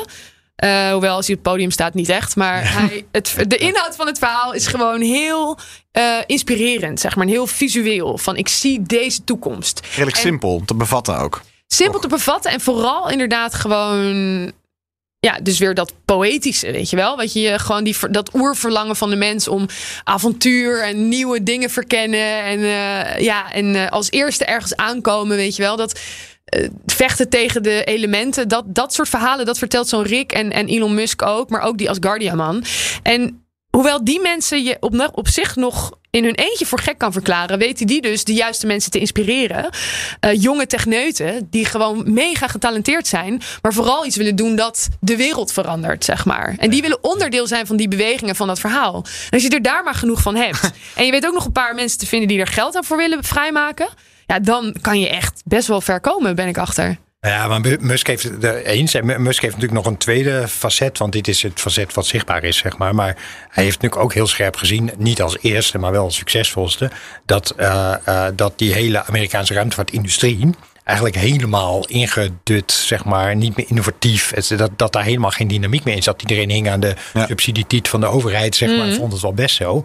Dus eh, hij is wel degene die uiteindelijk, niet de eerste die het geprobeerd heeft, maar wel de eerste die het gelukt is, om die, die macht van die grote ruimtevaartbedrijven te doorbreken, weet je wel. Dus het is natuurlijk, een, eh, nou, het is geen goede spreker, maar wel een visionair, laten we eerlijk Ja, zijn. precies, dat is het. Ja. Ja, eh, maar het is daarnaast ook wel een hele goede zakenman. Ja. Weet je? En hij heeft ook gezien waar de, waar de zakelijke kansen zaten. En, en dat heeft hij denk ik misschien als beste gedaan. Ja, en hij had natuurlijk wel mee dat hij dus al een paar keer succesvol ondernemer was gebleken. Dus met Tesla zei ook iedereen: het gaat je niet lukken. En ja, als, als, als, dan, als jij dan hebt bewezen van het lukt me toch, dan gelooft iedereen daarna. Zelfs als je zegt: ik ga een raket bouwen die je kan hergebruiken.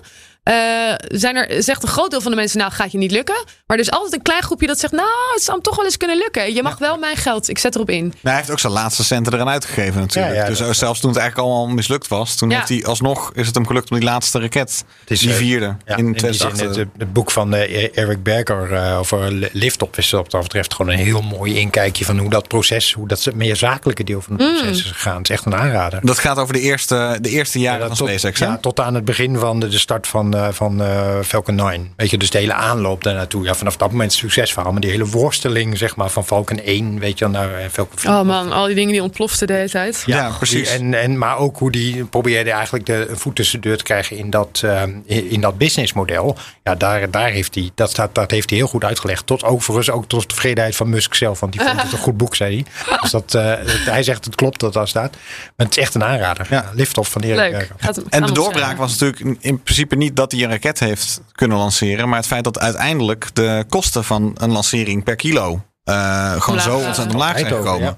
Dat was- is uiteindelijk nu ook de doorbraak geweest voor SpaceX om, om bij NASA een voet tussen de deur te krijgen. En nu eigenlijk bijna een soort preferred partner te worden. Ja, Omdat ze gewoon veel goedkoper zijn. ja. Dus eh, En omdat het echt ook comfortabel is. Want wat ik dan van astronauten hoor, is dus dat die capsule van hun is gewoon zoveel comfortabeler dan een Soyuz. Die Soyuz is echt behelpen, zeg maar. Dat is gewoon opgevouwen en met, ah, met, met overal kramp. Eh, gelanceerd worden, wat al niet prettig is. Ja. En die, en die, ja, die SpaceX-technologie, ja, die is gewoon comfortabeler. Ja, er was wel één ding, die, die Dragon-capsule die eh, dus bij Inspiration 4 eh, rond de aarde ging. Daar was wel één eh, belangrijk ding kapot gegaan. Daar hebben we het kort over gehad, een paar weken geleden. Eh, de, de, naar de wc gaan was een eh, Oh! probleem toen. Dus ze hebben een ontzettend eh, soort probleem gehad. En nu is opeens gisteren bekend geworden wat er nou precies aan de hand Oh, was. Want dat ja. waren, de details daarvan waren, waren nog obscuur. Ehm, de lijm van de tube eh, waar de urine in moest. Eh, die, die was losgekomen. Dus die slang die is helemaal. Dus het opzetstuk en de slang. Dat hebben ze waarschijnlijk met de hand dat het vast moeten houden. terwijl ze erin plasten. Ehm, eh, dus ja, ze gingen hem nu maar solderen of eh, lassen. Dat was dan. Wat een verhaal. Dat heb oplossing, ik ja. helemaal gemist. ja, Oh, dus ze moesten echt eh, achter een gordijntje of zo gingen ze de tijd moesten dus plassen en zo. we Dus gaan het niet nog een keer doen. Oh, God, ja. moet je de- om de aarde en heb je dat probleem. Ja, maar dat is ook zo weird. Want in die Orion-capsule, daar heb ik dan dus even ingezeten. Heb je erin gezeten? Ja, maar in, de, in het model, Ja, zeg ja. maar. In de, Ja. hoe noem je hem? eh, Zo'n. Mock-up? ja, de, de, ja I don't dat, know. dat ding, precies. I- Waar, waar, waar was is dat? alles op, op testen in, eh, bij NASA. Oké. En ehm, In? in Houston. Oké. Ja. En daar stond, een, er stond een model waar ze dus alles op testen. Ja, de mock-up, denk ik. Eh, en, maar dat is, je zit dus met z'n vieren nou, in een ruimte, zeg maar, zo klein als deze tafel. Dus Zeg maar een paar meter bij een paar meter. Mhm. Dat is de hele ruimte van die Orion-capsule. Niet, Ja. niet eens deze studio. Nee, kleiner. Kleiner. Ja, echt kleiner. En, eh, en, en daarbinnen moet je dan dus ook, is er dan, was er dan een soort luikje wat je omhoog moest klappen. En daarachter kon je dan plassen. Maar dat is, ik vind dat idee zo ongemakkelijk. Dat je bij spreken richting de maan gaat, weet je, met een paar mensen. En dan, ja, dan zit je dus, je moet daar alles, ik weet niet, de rest zit in dezelfde kamer. Het is gewoon allemaal best wel ongemakkelijk. Ja, ze moesten ook eerst op survival tocht, hè, die mensen van Inspiration 4. Vond ik wel een hele grappige. Dat je met z'n vieren dus inderdaad eerst moet kamperen ergens in the middle of nowhere. Dat je allemaal zulke dingen toch al in ieder geval een Ja, beetje... Dat, dat houden we natuurlijk graag uit beeld, al die, eh, die ongemakken. de biologische Ja. functies. Ja, nee. Dat, Ja, dat is eh, waar.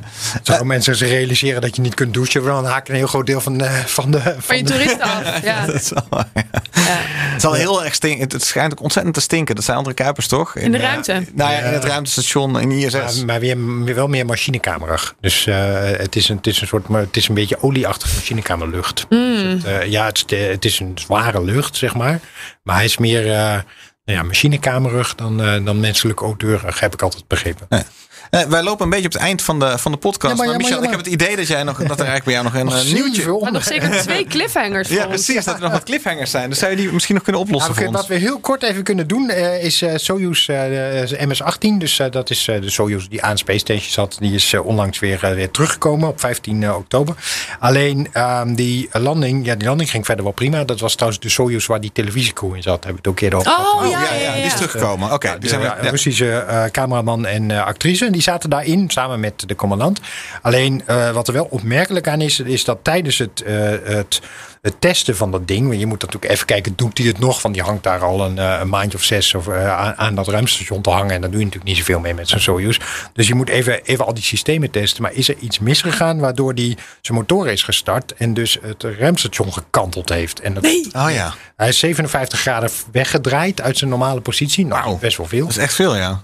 Eh, wat op zichzelf niet direct een heel groot probleem is. Dan gaat het ruimtestation dat zelf proberen te corrigeren met, eh, met eh, andere ja. thrusters op andere plekken. Alleen, dit is niet, was niet te fijn, want hij zat helemaal aan het eind van het station. Dus hij had een- de, de grootst mogelijke hefboom, om het zo maar even te zeggen.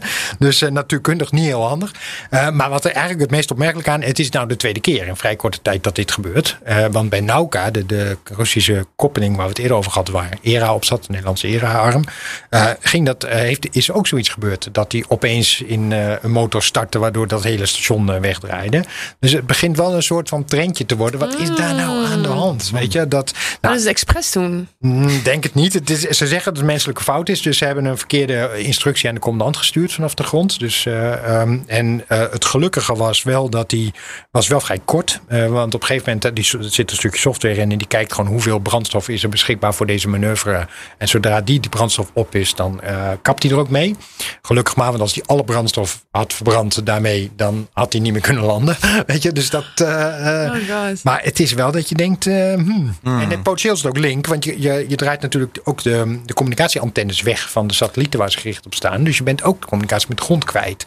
Dus als je dan een, een, een, een, een noodgeval hebt, ja, dan ben je wel on your own als astronaut. Tolt het hele ISS dan over het algemeen überhaupt een klein beetje rond de aarde? Eh, nou ja, het Blijft beweegt hij mee. heel stabiel? Eh, Nee, hij is heel stabiel. Hij beweegt mee als het ware met, eh, maar dat gaat eigenlijk vanzelf. Weet je wel, met, hij blijft ten opzichte van het aardoppervlak in Ja. dezelfde stand. Ja, ja, dat zie je altijd en, een beetje zo. eh, en voor de rest, maar moet je natuurlijk wel die antennes van die communicatiesystemen moet je actief natuurlijk sturen. Ja. Want die moeten die satelliet blijven volgen.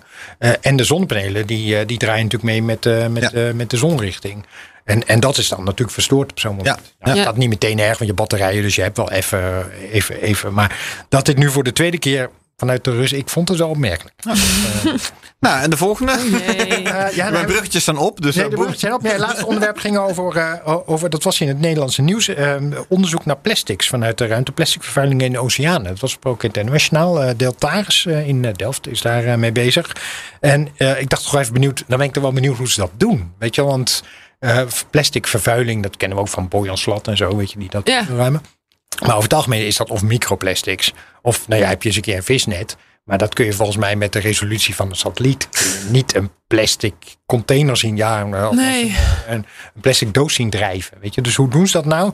En, en dat vond ik wel, toen ik even naar keek, wel interessant. Eh, er zijn heel veel verschillende manieren waarop ze aan het kijken zijn hoe ze dat kunnen doen. Onder andere met radar, maar ook met, eh, met LiDAR. Dat is dan laser waar die je naar beneden stuurt. En dan kun je kijken, ligt er plastic vervuiling op de grond, dan krijg je dan een ander signaal terug.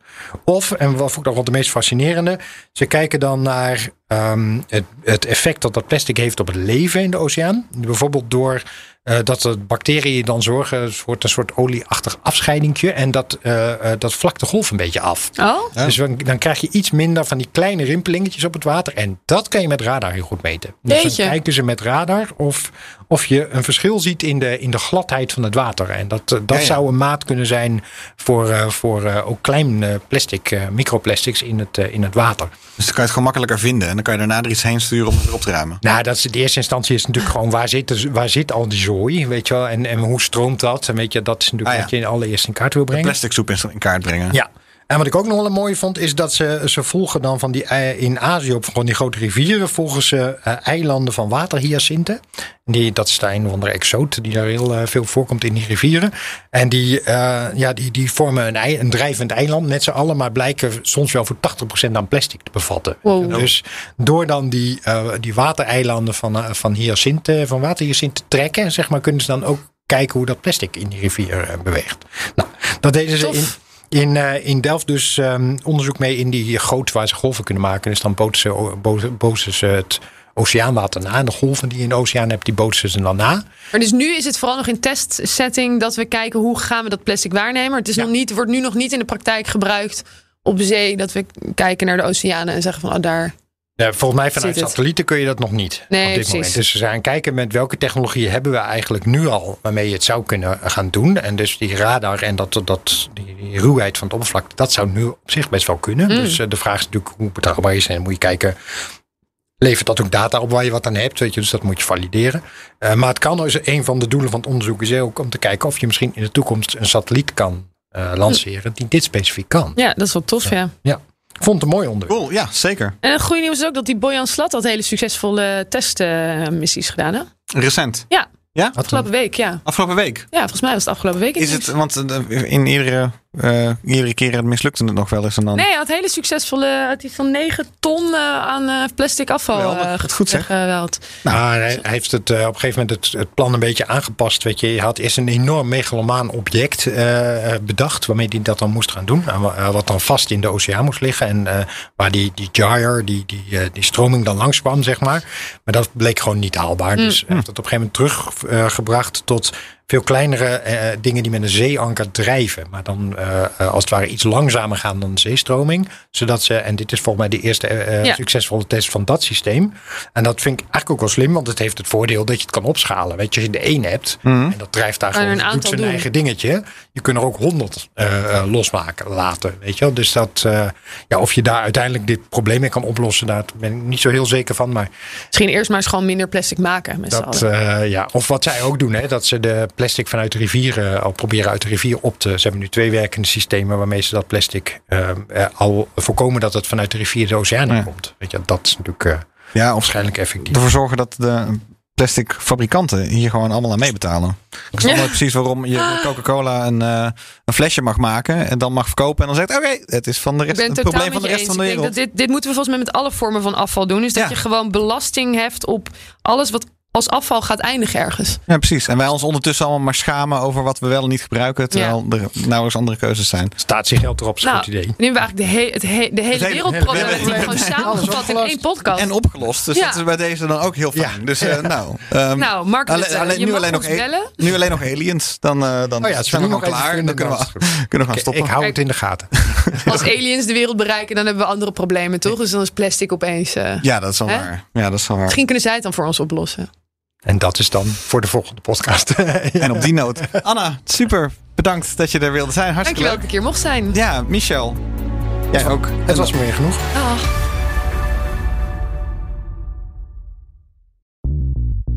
Bij BNR ben je altijd als eerste op de hoogte van het laatste nieuws. Luister dagelijks live via internet. Bas van Werven. En heel langzaam komt de zon op rond dit tijdstip. Je krijgt inzicht in de dag die komt op BNR, het Binnenhof in Nederland en de rest van de wereld. De Ochtendspits. Voor de beste start van je werkdag. Blijf scherp en mis niets.